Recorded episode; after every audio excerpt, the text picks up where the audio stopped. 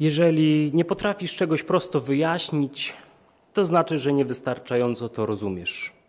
Słowa przypisane, myślę, że pochodzące od Alberta Einsteina.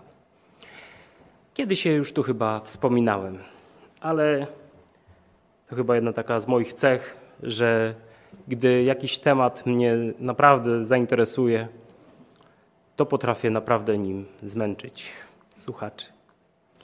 Jeśli zapytalibyście mnie, co robię w tak zwanych wolnych chwilach, oprócz tego, że czasem od czasu do czasu gram na gitarze i jeszcze kilku innych rzeczach, to powiedziałbym, że spędzam czas na rozmyślaniu.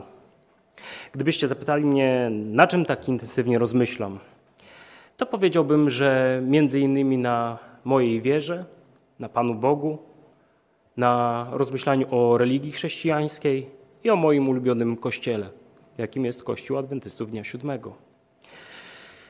Gdybyście mnie dopytali jeszcze tak szczegółowo, ale o czym tak rozmyślasz, gdyby to kogoś ewentualnie interesowało, to powiedziałbym, że zastanawiam się nad najprostszą i najkrótszą odpowiedzią na pytanie, o co chodzi w chrześcijaństwie. O co chodzi w wierze chrześcijańskiej, o co chodzi w religii chrześcijańskiej i o co chodzi w kościele chrześcijańskim, bo w zasadzie wiara, religia i kościół to nie są tożsame słowa, to nie jest to samo. Temat istotny jest dla mnie z dwóch powodów. Dlatego, żebym sam pełniej doświadczył tego, czym jest wiara, żebym pełniej doświadczył Pana Boga. I po drugie, może troszkę mniej egoistyczny powód, żebym jeszcze mógł się podzielić tym, czego sam doświadczę. W tej właśnie kolejności. Tak więc o co tak naprawdę chodzi w chrześcijaństwie? Jaka jest jego istota, sedno, esencja, warunek, bez którego nie, sine qua non. Różne słowa można dobierać, prawda? Tak jak zaparzacie herbatę, to jest ta esencja, to jest coś, bez czego herbata nie jest herbatą. Jeżeli e, mówimy o wierze chrześcijańskiej, to o co tak naprawdę chodzi? Gdybyście poprosili mnie dzisiaj, abym powiedział, jaki jest wynik tych rozmyślań i o co chodzi tak naprawdę, moim zdaniem, w chrześcijaństwie, ale w jednym zdaniu, to musiałbym grzecznie odmówić. Musiałbym poprosić, żebym miał przynajmniej siedem zdań do, do wykorzystania. No, być może według Alberta Einsteina jeszcze nie do końca zrozumiałem, skoro nie potrafię tego wyrazić prosto w jednym zdaniu. Owszem, mógłbym powiedzieć jedno długie, wielokrotnie złożone zdanie, tak jak teraz to czynię, ale to wcale nie byłoby proste. To wcale nie byłoby takie oczywiste. Ale gdybym mógł wykorzystać jedno z tych kilku zdań, to brzmiałoby ono mniej więcej w ten sposób. Najważniejszymi wartościami w życiu chrześcijanina są wiara, nadzieja i miłość. Sądzę, że te trzy pojęcia są jednymi z najważniejszych wartości chrześcijanina. I to byłoby jedno z tych kilku zdań, które wykorzystałbym, gdyby ktoś zapytał mnie, o co chodzi w wierze chrześcijańskiej. Dlatego też tytuł dzisiejszego rozważania to Chrześcijaństwo w trzech słowach. I owszem, kiedy słyszymy te trzy słowa, które dzisiaj będą przewijały się jak refren, wiara, nadzieja i miłość, chociaż nie robię tego, ale gdybym się zakładał, to założyłbym się o to, że już pomyśleliście o pierwszym liście do Koryntian 13:13. 13. I owszem, macie rację, ale wpadliście troszkę w pułapkę, którą zastawiłem, bo podałem ten tekst jako przewodni tekst dzisiejszego rozważania. Jest to fragment hymnu apostoła Pawła o miłości, który zwieńcza właśnie słowami teraz zaś trwają wiara, nadzieja i miłość. Te trzy, a z nich największa jest miłość. Ale aby nie było tak przewidywalnie, sięgnijmy do innego tekstu apostoła Pawła, do pierwszego listu do Tesaloniczan, czy do Tesaloniki 5:8.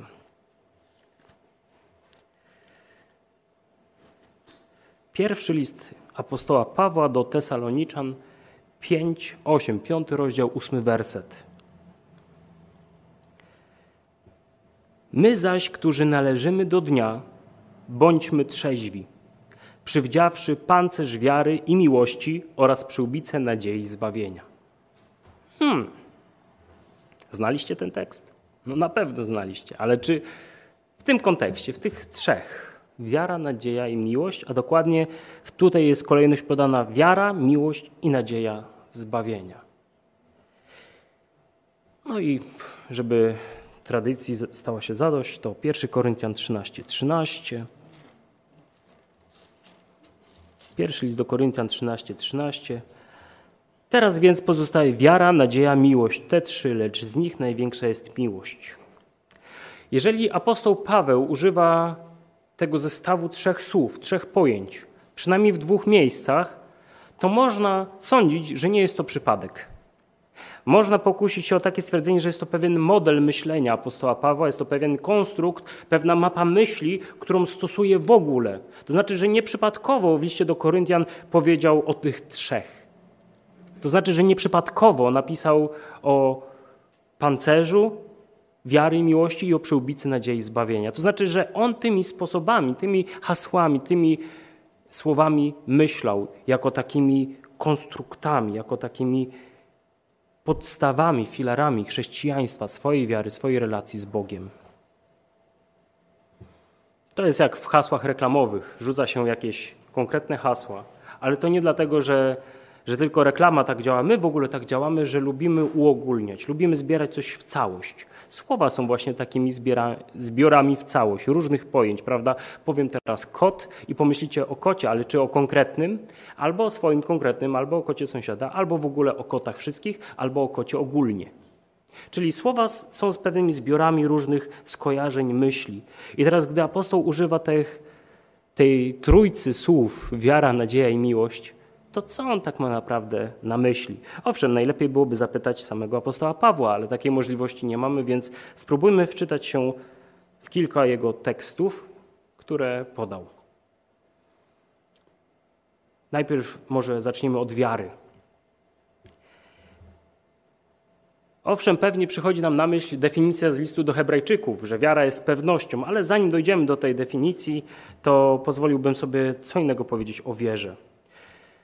Po różnych przemyśleniach i analizach różnych historii biblijnych, a mówiąc językiem, mam nadzieję, zrozumiałym dla współczesnego człowieka, który wcale nie musi znać historii biblijnych, powiem tak, że wiara jest otwartością na coś więcej, otwartością na coś bardziej, otwartością na coś większego niż, niż człowiek, niż rozum, niż język i niż cały świat. Człowiek i świat są zagadką, są pewną tajemnicą. Bo czy wiecie, kim jesteście? Na pewno powiecie mi swoje imię, opowiecie o swojej pracy, zawodzie, o swoich ulubionych przedmiotach w szkole, opowiecie mi o może o swojej rodzinie, ale przecież zmieniamy się z dnia na dzień i z roku na rok, z dekady na dekadę. Czy jesteśmy dokładnie tymi samymi, którymi byliśmy 10 lat temu? Albo pięć lat temu, albo rok temu, albo kilkadziesiąt lat temu. Tak więc ciągle odkrywamy tę zagadkę, jaką sami jesteśmy, bo nie wiemy, co nas spotka, nie wiemy, jakie doświadczenia nas w życiu spotkają, nie wiemy, jak przejdziemy próby, którym zostaniemy poddani. Być może one właśnie po to są, abyśmy się dowiedzieli, co jest w nas w środku. Piotr, apostoł, który był taki mężny, taki odważny zawsze, dopiero w momencie próby zrozumiał, że ma strasznie mylne wyobrażenie samego siebie, nadzwyczaj wysokie w porównaniu do tego, co było naprawdę w nim. Świat jest zagadką. Nauka, jak dotychczas, nie daje odpowiedzi na wszystkie zagadki tego świata. I są dwa poglądy, to czy no, może jest ich więcej, ale przynajmniej są dwa poglądy takie główne. Jeden jest taki, że nauka kiedyś, kiedyś wytłumaczy cały świat, to znaczy wyjaśni wszystkie zjawiska i to jest tak zwany scjentyzm, a drugi pogląd jest taki, który mówi, że nawet przy najlepszym rozwoju nauki przez całą wieczność, gdyby się rozwijała przez całą wieczność, nie odgadnie wszystkich zagadek wszechświata. Ja osobiście przy, przyznaję się do tego drugiego poglądu. Wydaje mi się, że jesteśmy jak w takim pomieszczeniu, cały świat to jest takie pomieszczenie, z którego możemy poznać tylko od środka. Nie możemy wyjść na zewnątrz i zbadać, czym naprawdę jest to pomieszczenie. Czy jest to budynek jednorodzinny, czy wielo, wielorodzinny, czy jest to dom, blok, czy jakiś inny jeszcze budynek. Podobnie jest też z nami. Też nie potrafimy wyjść spoza samych siebie i spojrzeć na siebie z zewnątrz, bo jest to sprzeczność logiczna, bo wtedy już nie patrzylibyśmy my, tylko ktoś inny. Tak więc świat i człowiek to dwie zagadki, które moim zdaniem mogą prowadzić do odpowiedzi, że jest coś więcej. Że jest coś więcej niż ten świat, jest coś więcej niż to, co widać. Jest coś więcej niż to, kim my jesteśmy, niż nasz rozum potrafi opisać, a język wyrazić. Dość popularny staje się ateizm i agnostycyzm. Dość dużo na ten temat mógłbym mówić, ale szkoda troszkę czasu. Są to bardzo ciekawe zjawiska i poglądy. Poglądy ateizm i agnostycyzm, procesy ateizacja i agnostycyzacja społeczeństwa. Ale pozwolę sobie podać jeden argument, który jest tak zwany zakładem Pascala. Sam zakład Pascala moim zdaniem nie jest jakiś nadzwyczaj dobry, poprawny i skuteczny, ale przeczytałem kiedyś pewną transformację tego argumentu, pewne przekształcenie. I pisał to człowiek, który jest człowiekiem religijnym i jednocześnie agnostycznym. To znaczy nie wie, czy jest Bóg, ale wszystko żyje tak, jakby w Niego wierzył. I chodzi do kościoła, modli się i tak dalej. I on powiedział w ten sposób: Jeśli jest Bóg, to warto go szukać, warto być otwartym, bo jeśli jest, to jest większa szansa, że go znajdziemy. A jeśli nie ma, to nic nie tracimy, poszukując go. Owszem, niektórzy powiedzą, że może stracimy trochę czasu, może niepotrzebnie czytać te książki o Panu Bogu, może niepotrzebnie się zastanawiać nad tym, ale generalnie co do zasady, zysk, jaki może być z doświadczenia Boga, mówiąc już językiem takim ekonomicznym, metaforycznym, jest o wiele większy niż strata wynikająca z tego, że przeczytam jeszcze jedną książkę o Panu Bogu, bo być może, jeśli on jest, to szkoda byłoby stracić tak dobrej okazji, żeby spotkać Stwórcę tego świata, tej całej rzeczywistości, Stwórcę mnie samego. Tak więc wiara jest otwartością na to, że jest coś więcej niż ten świat, co ludzie religijni nazywają po prostu Bogiem. Czy wiara jest pewnością? Nie do końca. Kiedy otworzymy list do Rzymian, apostoł Paweł opisuje tam Abrahama, ojca wiary. Przeczytajmy list do Rzymian, czwarty rozdział, werset osiemnasty.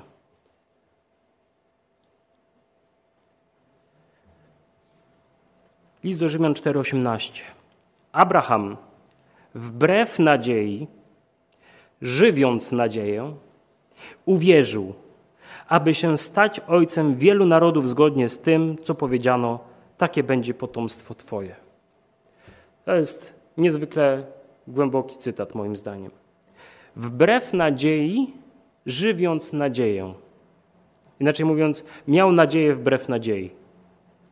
Czyli inaczej mówiąc, wiara zakłada to, że nie mamy wszystkich odpowiedzi. Wiara zakłada to, że są pewne pytania, które mogą nas nurtować, bo wiara, która jest czystą pewnością, nie jest już wiarą, ale jest wiedzą.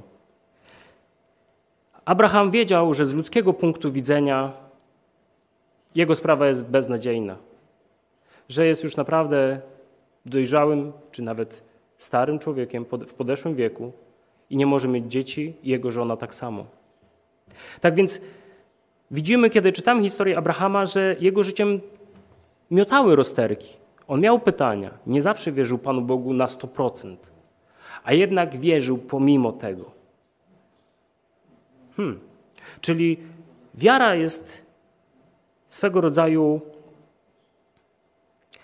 pewnością pomimo niepewności. Jest wstawaniem pomimo upadania. Bo nie do końca chce mi się wierzyć w takie historie, gdzie człowiek całe życie przeżył tak swoje życie w takiej pewności, w takiej wierze, że nigdy nie miał zwątpienia, nigdy nie miał pytania bez odpowiedzi, nigdy nie upadł, zawsze i wszędzie kroczył z Bogiem. No, Jezus Chrystus. Tutaj jestem w stanie w pełni zaufać świadectwu Nowego Testamentu i jego uczniom, którzy oddali życie za takiego nauczyciela. Ale w każdym innym przypadku trudno mi uwierzyć, że na tym polega wiara, aby się w ogóle nigdy nie zachwiać. Tak więc, pomimo tego, co jest Złe, słabe i trudne. Człowiek wierzący wstaje, podnosi się, kieruje do Boga, bo w nim tylko znajduje nadzieję. Bo wiara w Boga chrześcijańskiego nie jest tylko wiarą w Boga. Jak czytamy w liście do Hebrajczyków w rozdziale 11 i wersecie 6, otwórzmy, żeby, żebym odczytał. List do Hebrajczyków 11:6. Bez wiary nie można podobać się Bogu. Kto bowiem przystępuje do Boga, musi uwierzyć, że On istnieje i że nagradza tych, którzy Go szukają. Zobaczcie, że to nie jest tylko wiara w Boga, ale są dwa warunki albo dwa wymiary wiary chrześcijańskiej. Jest to wiara w to, że On jest i w to, że nagradza tych, którzy Go szukają, a więc jest dobry. Jest to tak zwana nadzieja. Bo co z tego, że jest coś więcej, a może to coś więcej jest wielkim tyranem, który nas zabije? Hm? No ktoś powie, może jest jakiś Bóg, ale może on jest zły. Wtedy ja mówię, wtedy nie warto wierzyć w takiego Boga. Więc jeśli już wierzyć, to wierzyć w takiego Boga, który jest dobry. A jeśli wierzymy w Boga, który jest dobry, to nie tylko mamy wiarę, otwartość na Niego, ale również mamy nadzieję, że nasz los i los tego świata w perspektywie przyszłości jest pozytywny. Nadzieja to spodziewanie się albo zapatrywanie się na swoje życie i na losy tego świata, aby pomimo zła, które jest na świecie, wzbić się ponad to, ponad te okoliczności, które nas otaczają, które nas stwarzają, ponad ludzi, którzy nas otaczają, czasami złych ludzi. Tak więc wiara chrześcijańska to zarówno otwartość na Boga, jak i otwartość na to, że On jest dobry że pomimo tego, co jest złe, czeka nas kiedyś, a może nawet w niedługiej przyszłości, to, co jest naprawdę dobre. I wierzę, że już za tego naszego doczesnego życia spotyka nas dobro, które otrzymujemy od Boga. No właśnie, i co się wtedy dzieje? Kiedy otwieramy się na coś większego, na coś, co jest ponad nami, ponad tym światem, ponad naszym rozumem, ponad umysłem, ponad wyobrażeniem, gdy otwieramy się i to, coś jest dobre, to to dobro zaczyna nas naciskać. Jak to mówi święty Paweł, przynagla nas, wymusza na nas, wciska się, oczywiście nie bez naszej zgody, ale wciska się, przełamuje skorupę naszego serca i wlewa się. A gdy wlewa, to zaczyna napełniać, napełniać, a że jest to nieskończona miłość, dobroć, to zaczyna się powoli wylewać. Bo jakbyśmy nie byli puści, jak wiele miłości by nam nie brakowało, to Bóg i tak ma jej więcej. A więc napełnia, napełnia, napełnia i zaczyna się to wylewać. I wtedy to dobro, które jest większe, zaczyna przez nasze życie docierać do innych. I to apostoł Paweł nazywa miłością. Bo to już wychodzi ponad tylko naszą relację z Bogiem, to wchodzi nagle w świat etyki, w świat wartości, w świat naszego społeczeństwa, świat życia w kościele, świat życia w rodzinie, świat życia ze zwierzętami, które też są stworzeniami Boga. Gdy otwieramy się na większe dobro, zaczynamy otwierać się na miłość, która rozlewa się w nas i poprzez nas. Apostoł Paweł mówi, że wiara i nadzieja przeminą. To ciekawe, że chrześcijaństwo streszcza się w trzech słowach, z czego te dwa słowa kiedyś zostaną skreślone. A dlaczego? Bo wiara kiedyś przeminie, bo gdy zobaczymy Boga takim, jakim On jest, bezpośrednio, można powiedzieć, to wtedy już nie będzie potrzeba wiary. Nie będzie potrzeba otwartości na coś, co jest poza nami, bo to coś będzie już wtedy wszędzie wokół nas i w nas i poprzez nas. Tak jak mówi apostoł Paweł w liście do Koryntian w 15 rozdziale, że gdy Chrystus wszystko podda pod stopy Ojca, wtedy Bóg będzie wszystkim we wszystkim. A więc wiara przeminie i nadzieja przeminie, bo nadzieja to spodziewanie się, że los naszego życia i naszego świata będzie lepszy. A gdy już będzie lepszy, to i nadzieja jest niepotrzebna. Nie musimy spodziewać się tego, bo to będzie naszą rzeczywistością, naszym udziałem. I wtedy apostoł Paweł mówi, ale miłość pozostanie. Miłość pozostanie. Tak więc zobaczcie, że dwie trzecie z tych trzech haseł w zasadzie można byłoby streścić jeszcze po pewnych naszych tutaj analizach do miłości. Choć jest to pewien wynik, to nie, nie jest całe działanie. A jeśli o miłość chodzi, to wcale moim ulubionym fragmentem nie jest hymn o miłości. Przepraszam, apostoła Pawła, który kiedyś, jak będzie zmartwychwzbudzony, będzie oglądał sobie te sceny zapewne, że akurat tak się starał, tak napisał ładnie, a ja mówię, że to nie jest mój ulubiony fragment o miłości. Mój ulubiony jest zapisany w liście Jana, a to dlatego, że apostoł Jan cały list napisał o miłości, a apostoł Paweł tylko 13 rozdział. Tak więc pierwszy list Jana, rozdział czwarty, Pierwszy list Jana, rozdział czwarty i wersety 7, 8, 16, 20 i 21. Czyli kilka wybranych wersetów, żeby nie zarzucić was całym listem, który jest cały o miłości. Pierwszy Jana 4, 7 i 8 najpierw. Umiłowani. Miłujmy się nawzajem, gdyż miłość jest z Boga i każdy, kto miłuje, z Boga się narodził i zna Boga. Jeden werset, a już tyle o miłości. Kto nie miłuje, nie zna Boga, gdyż Bóg jest miłością. Szesnasty werset. A myśmy poznali i uwierzyli w miłość, którą Bóg ma do nas. Bóg jest miłością, a kto mieszka w miłości, mieszka w Bogu, a Bóg w nim. I wersety 20 i 21. Jeśli kto mówi, miłuję Boga, a nienawidzi swego brata albo siostry, Kłamcą jest, albowiem kto nie miłuje brata albo siostry swojej, których widzi, nie może miłować Boga, którego nie widzi. A to przykazanie mamy od Niego, aby ten, kto miłuje Boga, miłował i brata, i siostrę swoją. Zobaczcie, kochani, że dużo się mówi o miłości we wszystkich aspektach jej i we wszystkich dziedzinach kultury, jaką jest i sztuka, i nauka, i wiedza potoczna, i popkultura, i wszystkie te nasze codzienne sprawy, gdzieś ta miłość się przejawia. Wszyscy chcą kochać. Ale jednak ta miłość, która jest ukazana w Jezusie Chrystusie, jest miłością najwyższej wagi, najwyższej klasy, najwyższego standardu, jest najbardziej potrzebna, gdy ona zaczyna nas wypełniać, gdy zaczynamy chociaż po trochu rozumieć, tak jakby przez mgłę, tak jakby w zagadce, zaczynamy przeczuwać, jak bardzo Chrystus kocha Ciebie, kocha mnie. To wtedy, tak jak powiedziałem, coś w nas pęka. Zaczynamy się tym napełniać, a później rozlewać to na cały świat.